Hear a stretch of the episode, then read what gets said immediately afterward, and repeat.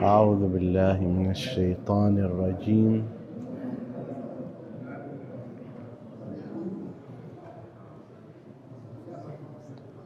بسم الله الرحمن الرحيم. والصلاة والسلام على أشرف الأنبياء والمرسلين. سيدنا أبي القاسم المصطفى محمد.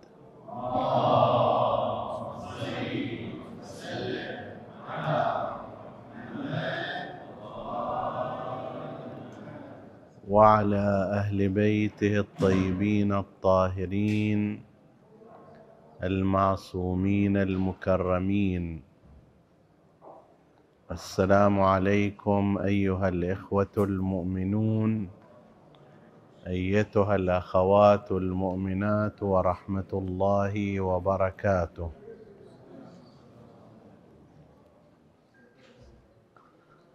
لا يزال حديثنا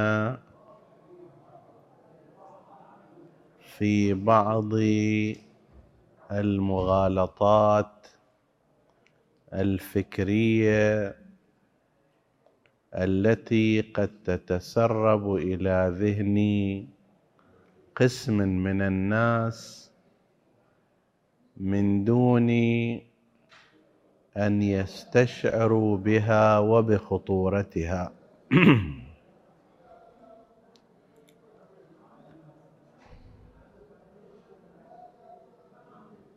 من هذه المغالطات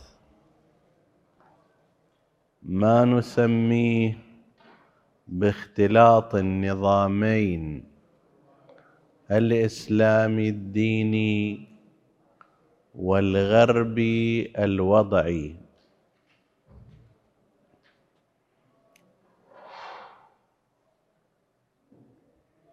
الغرب اليوم لا ريب أنه يؤثر في مجتمعاتنا المسلمة بثقافته وبعاداته وبطريقة صل وبطريقة سيرته وحياته. ووسائله في ذلك كثيرة ومتعددة. وهو في ذلك يعتمد على نظام ثقافي واجتماعي. هذا النظام غالبا هو متخالف مع النظام الإسلامي في عقائده وفي طريقة حياته. فيصير اختلاط بدل ما أنا أستلم أفكاري ثقافتي طريقة حياتي خالصة من الإسلام من الدين. آخذ قسم من هنا وقسم من هناك. وأتأثر إما بكلا النظامين أو في بعض الأحيان أتأثر أكثر بذلك النظام الغربي والوضعي. فيأخذ الإنسان أحيانا من كلا النظامين يختلف المختلفين وبالتالي إلى حد ما تتناقض سيرته ومسيرته. خل أضرب لك مثال. في النظام الغربي أنت أيها الإنسان مسؤول أمام الدولة فقط لست مسؤولا أمام أحد اطلاقا. لا أب لا أم لا جار لا مجتمع لا عالم دين. أي واحد من هؤلاء لا يشكل بالنسبة لك مصدر أحكام. ولذلك من السهل جدا لو أن الولد الابن أو البنت أراد والده أن يوجهه باتجاه معين ولم يقبل هذا الابن هذا التوجيه بإمكانه أن يشتكي عليه بإمكانه أن يرفع عليه قضية ويعزلونه عنه وهذه إحدى مشاكل الجاليات في البلاد الغربية. أن مثلا فتاة عمرها لنفترض 12 سنة 13 سنة 14 أي مقدار اللي يكون. تريد مثلا أن تأتي لها بمثلا شاب في البيت أو تخرج معه. من هذه الجاليات فيهم مسلمون. لا يقبلون هذا الأمر لا من الناحية الدينية لا من الناحية الاجتماعية. فيرفض هذا بقوة تقدم عليه دعوة خلاص يرفعون يعطون البنت هذه مكان سكن ويعزلون أباها عنها ولا حق له ابدا أن يتدخل في أمرها. وهذه حصلت حالات كثيرة مو واحدة ولا اثنتين. ولهذا يتبين أن هالصورة الوردية الجميلة لقضايا اللجوء وأنه يعطون فلوس إلى اللاجئ هناك وإلى آخره ليست هي هكذا؟ إذا ابنك رفع عليك دعوة أنه أنت تسوي تعنيف إلى لفظي أو بدني أو غير ذلك من الممكن أن يلقي بك في السجن. فضلا عن فصله عنك. ليش؟ هؤلاء مو متعمدين ضدك أنت. لا هذا نظام. النظام يقول الفلسفة هناك تقول أنت كوالد لا حق لك على هذا الولد لا حق لك على هذه البنت. الدولة هي التي تقرر ماذا يصنع وماذا تصنع. وهو حر وهي حرة أيضا. تركيز على حالة الحرية والاختيار المطلق وانت ما لك شغل. هذا نظام. تشوف منظر مثلا من المناظر غير الحسنة لنفترض شيء مخالف للأخلاق في دينك في البلاد الغربية لو تكلمت مع أحد لنفترض امرأة غير محجبة متفسخة لل... إلا شوية. من الممكن أن ترفع عليك دعوة أنك تتحرش بها وتذبك في السجن حتى لو ما كان تحرش. مجرد أن تقول لها مثلا هذا غير مناسب هذا ليس امرا صحيحا. طيب ليش؟ ليسوا ضدك. هذا النظام لا يوجد أحد يسأل أحدا إلا الدولة وإلا النظام السياسي الحاكم إلى قوانين. أنت شكو؟ أنت لست الدولة لست مامورا من قبلها. فإذا لم يكن كذلك فأنت متحرش. لما تجي إلى النظام الإسلامي في المجتمعات المسلمة لا الأمر يختلف. يقول لك صاحب الولاية العظمى هو الله سبحانه وتعالى. ومن فرض الله ولايته بل والمؤمنون والمؤمنات بعضهم أولياء بعض يأمرون بالمعروف وينهون عن المنكر. هناك هذا الكلام ما موجود.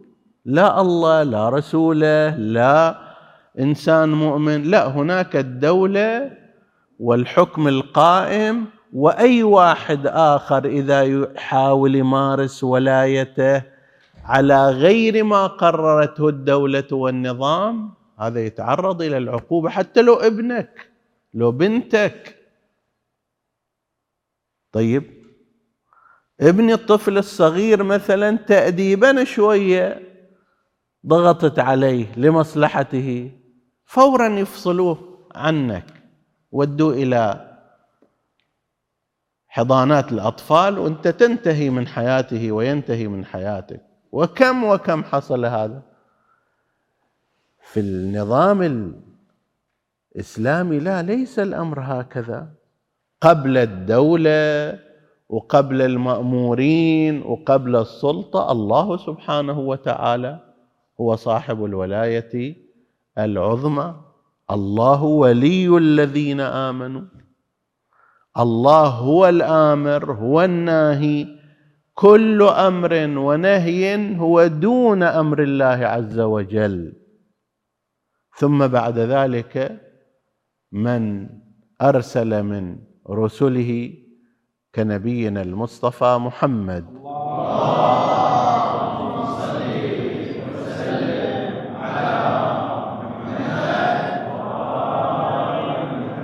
جعل لهذا النبي ولاية النبي أولى بالمؤمنين من أنفسهم يأمر ينهى يوجه يمنع كل هذا بإمكان النبي.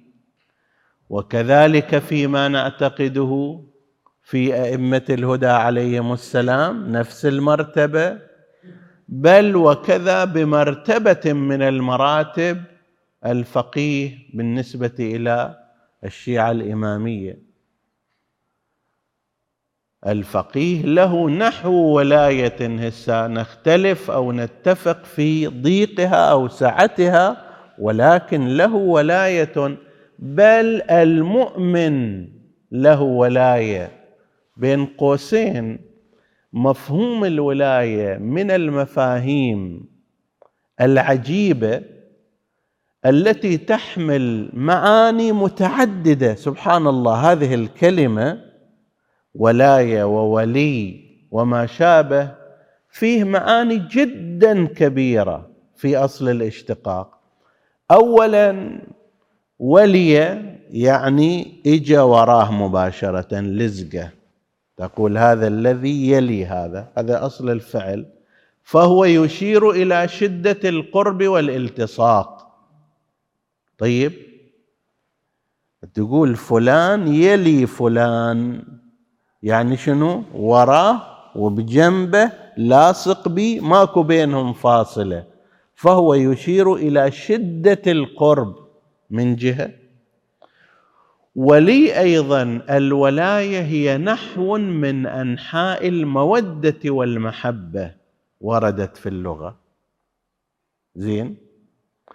فهو قرب ومحبة والمعنى الثالث نحو هيمنة وسيطرة تختلف مناشئها. فنفس هذه الكلمة هم فيها قرب هم فيها محبة هم فيها نحو سيطرة وهيمنة. وعلو تقول فلان ولي فلان يعني صاحب أمره.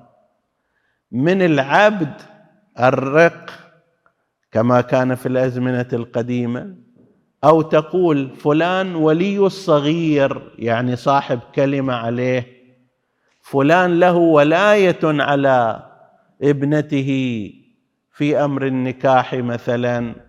النحو استعلاء وهيمنة وتوجيه يعني ليست كلمته دون كلمة المولى عليه بل ولا مساوية وإنما فوق. فمثلا عندنا في الإسلام لا أكو ولاية حتى للمؤمن أكو ولاية. المؤمنون والمؤمنات بعضهم أولياء بعض جدا قريبين من بعض. يتلو بعضهم بعضا يحب بعضهم بعضا أيضا يوجه بعضهم بعضا.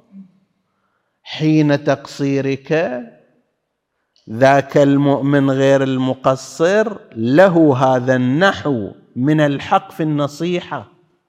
حق المسلم على المسلم النصيحة. بل حتى جعل الدين كله الدين النصيحة كما ورد في بعض الروايات. وين هذا النظام؟ وين ذاك النظام الآخر اللي يقول لك لا؟ أنت إذا مد لسانك علي وتقول لي سوي ولا تسوي وتنتقد فعل من أفعالي وما أدري كذا هذا يعتبر تحرش وتساق بذلك إلى المحكمة. وبالنسبة إلى أقاربك فضلا عن الآخرين ابنك لا ولاية لك عليه بنتك لا ولاية لك عليها فضلا عن الآخرين. هنا يقول المؤمن الأجنبي الغريب عنك لك ولاية بهذا المعنى يعني أنت قريب منه أنت محب له أنت ناصح له أيضا. الناصح هو نحو استعلاء المنصوح هو في المرتبة الأدنى في هذا القياس.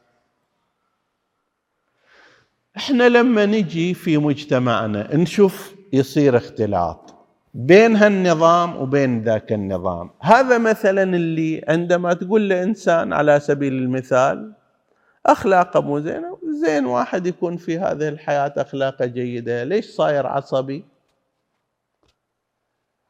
تشوف لنفترض إنسان مخالف للأحكام الشرعية متجاوز للقوانين الأخلاقية تنصحه ولو بلسان كما يقول القرآن في أنفسهم قولا بليغا عظ هؤلاء انصح هؤلاء في أنفسهم قولا بليغا بأسلوب جميل بأسلوب لطيف.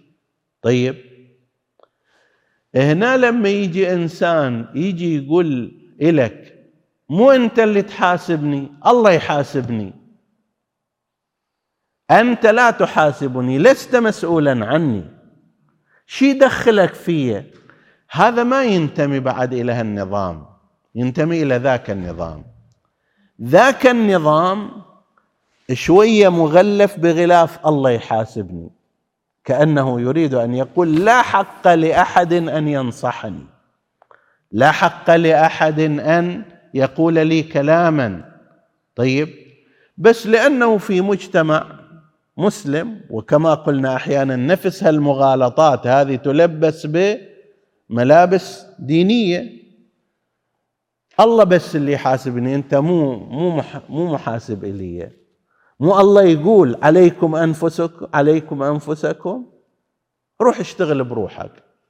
زين نفس الله اللي يقول عليكم أنفسكم وأنت فهمتها بشكل غلط هو نفسه يقول كنتم خير أمة للناس كنتم خير أمة أخرجت للناس تأمرون بالمعروف وتنهون عن المنكر.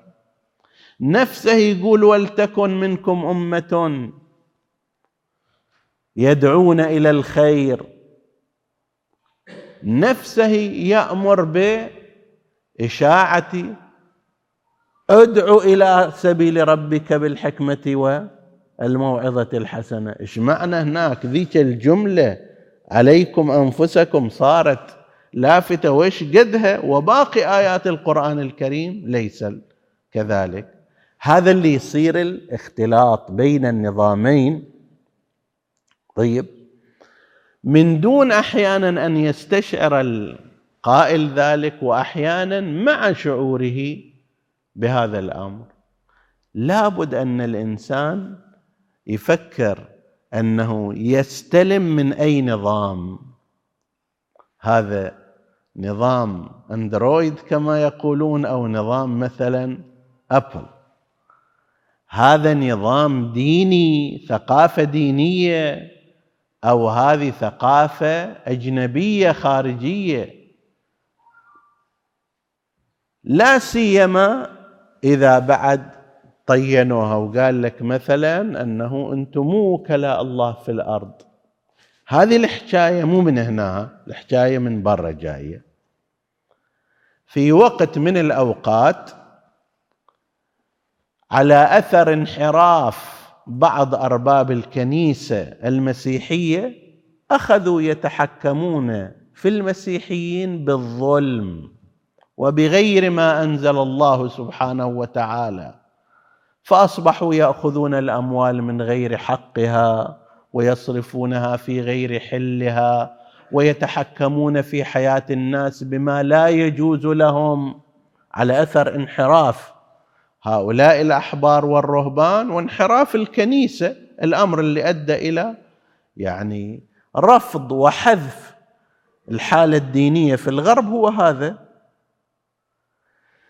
فصارت هناك حكاية أنه لا يوجد واسطة بيننا وبين الله. أنتم مو وكلاء الله.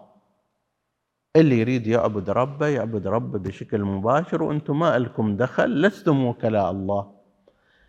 بعضنا اجى أخذ هذه الجملة لستم وكلاء الله في الأرض.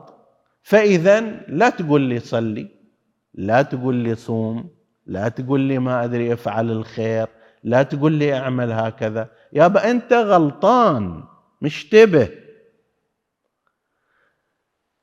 عندما قالوا لستم وكلاء الله أي الغربيون لأحبارهم ورهبانهم كان ذلك على أثر انحراف كبير وعريض وطويل مارسه أولئك تحكموا في كل شيء سيطروا على كل شيء منعوا العلم منعوا كل الأمور المباحة على الناس باسم الدين وباسم الله عز وجل.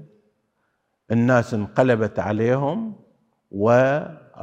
واتخذت ردة فعل إلى حد أنها حذفت الكنيسة وحذفت الدين المسيحي من الحياة. الأمر اللي رأيناه إلى زماننا هذا. هذا وين؟ والموضوع الإسلامي الذي يقول ادعو إلى سبيل ربك بالحكمة. أنت مكلف أن تدعو إلى سبيل ربك. هذا أمر. الصورة المثلى للأمة التي أخرجت للناس هي أنهم يأمرون بالخير يأمرون بالمعروف يدعون إلى الخير. ما حد يقدر يقول في هذه الأمة للآخرين أنت لا تدعو إلى الخير لأنك لست من وكلاء الله في الأرض. ما لازم تأمر بالمعروف لأنه أنت مو وكيل الله في الأرض. لا هذا نظام مختلف أساسا.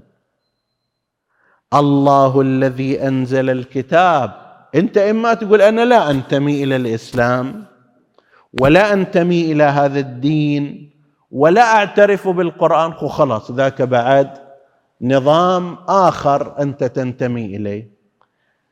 إذا أنت المفروض أنك إنسان مسلم وتنتمي إلى هذا النظام بالتالي فاحتكم إليه.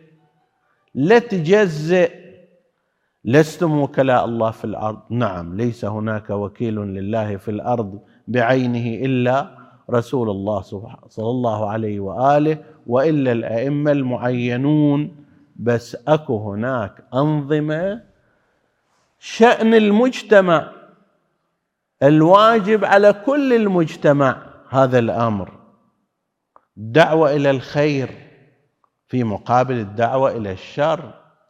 الأمر بالمعروف في مقابل الأمر بالفساد والمنكر.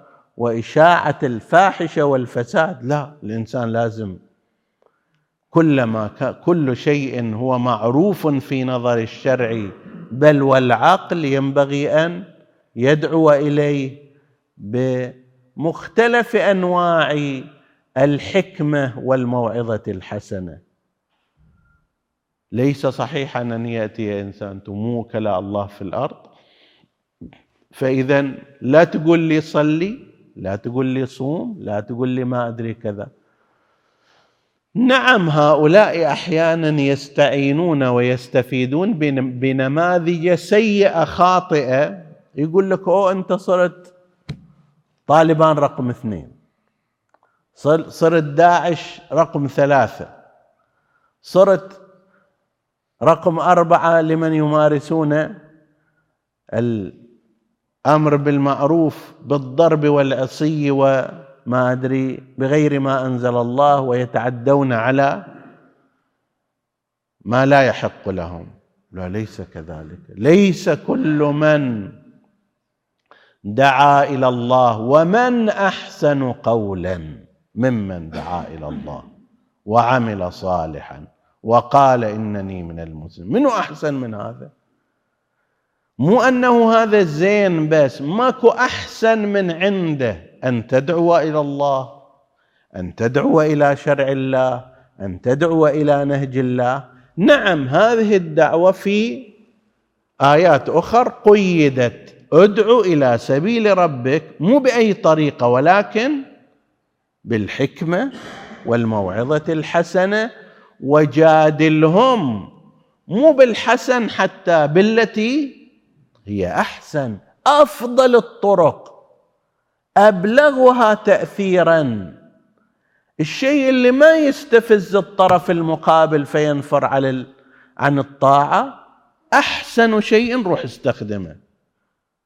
لو كنت بين خيارين واحد احتمال التأثير فيه سبعين في المئة والثاني احتمال التأثير فيه تسعين في المئة. لا أستخدم أبو التسعين في المئة. لو كان هناك احتمال أن ينفر منك هذا وأن لا يتأثر لا. لا تروح وراء. روح وراء من يتأثر؟ يحتمل تأثره وبالطريقة المؤثرة.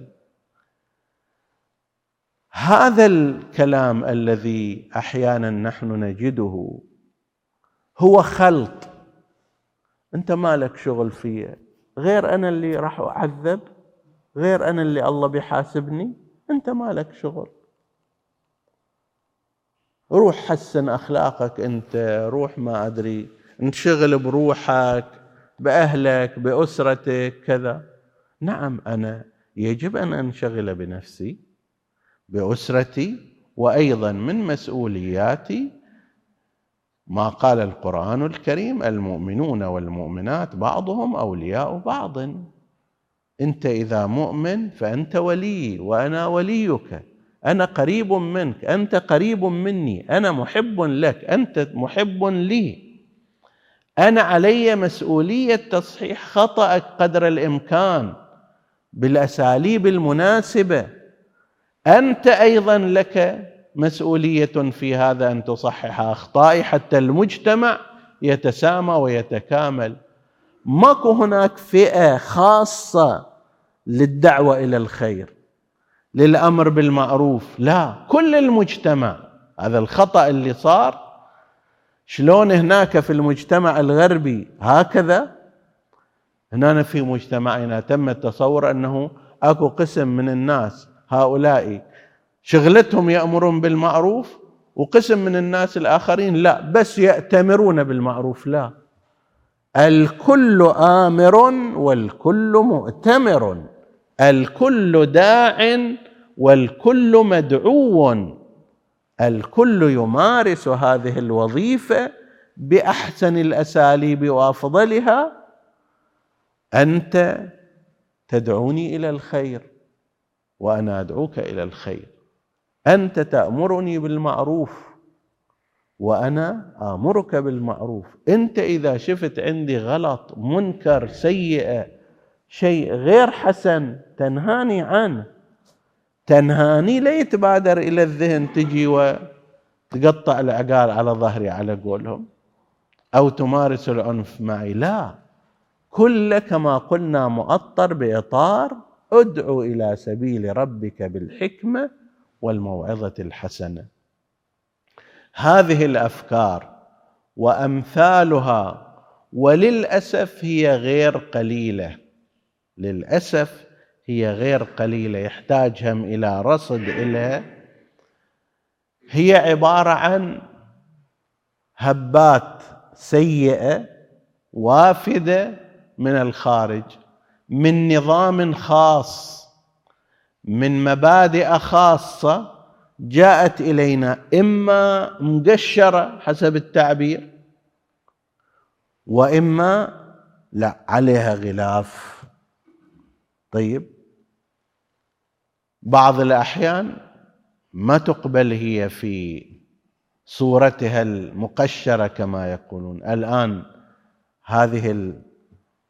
هذا البلاء الذي يحدق بالمجتمع البشري تشريع وتقنين الشذوذ. بحيث في بعض البلاد الخارجية أصبح امرا قانونيا أن يعيش رجل مع رجل عيشة الأزواج ويسجلون ويسكنون في بيت واحد وامرأة مع امرأة أيضا كذلك. طيب بشكل رسمي ولا أحد يتعرض له. هذه الفكرة لما تيجي إلى مجتمعنا بهالفجاجه ما يقبلها المجتمع المسلم؟ فيحتاجوا إلى ماذا؟ يحتاجوا يخلوا عليها قشر يحتاجوا يخلوا عليها غلاف يزينها يلمعها أنه حرية الإنسان. وهذا نوع من أنواع الأمراض. جيناته هكذا من الأصل جيناته كانت هكذا. وما يمكن الإنسان يسيطر على جيناته ولا أن يخلق جينات جديدة إلى جاء هكذا بهذا التركيب وخلص بعد لازم إحنا نسلم له بهذا الأمر. نتفهمه يقول لك نحن نتفهمه. نحترم اختياراتهم. في برا يسوي له أمر قانوني ورسمي وإذا انت قلت إليهم شيء أو تكلمت عليهم تجرم. إلى هالحد. ذاك عنده برنامج. ذلك النظام يريد أن هذا يصير مو بس عنده عندك أيضا في بيتك أيضا يصير في مجتمعك يصير. وإذا ما تقبل سيفرض أيضا شنو عقوبات على دولتك وعلى تجارتك وعلى اقتصادك وعلى وسائل الإعلام مالك وإلى غير ذلك.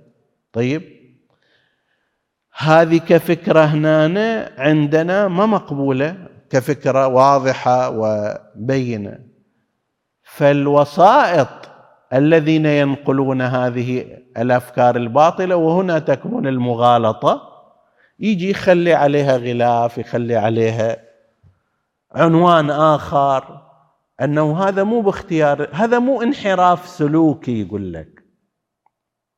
هذا مو شذوذ راح وأراد أن يعبث ويخالف أحكام الله. هذا لا تكوين في جيناته هالشكل.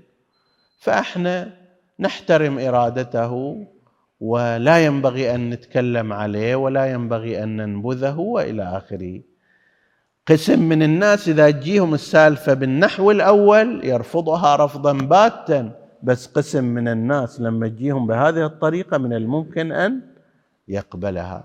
من المهم جدا أن نفصل بين النظامين النظام المسلم في أفكاره في عقائده في ثقافته في ممارساته حيث لله الولاية ولرسوله الولاية وللمعصومين الولاية بل وللمؤمنين الولاية بالمعنى الذي تحدثنا عنه وحيث النصيحة في هذا المجتمع هي كل الدين لما يقول الدين النصيحة يعني كأنما لتعظيم مكانه يقول كأنما كل الدين هو النصيحة.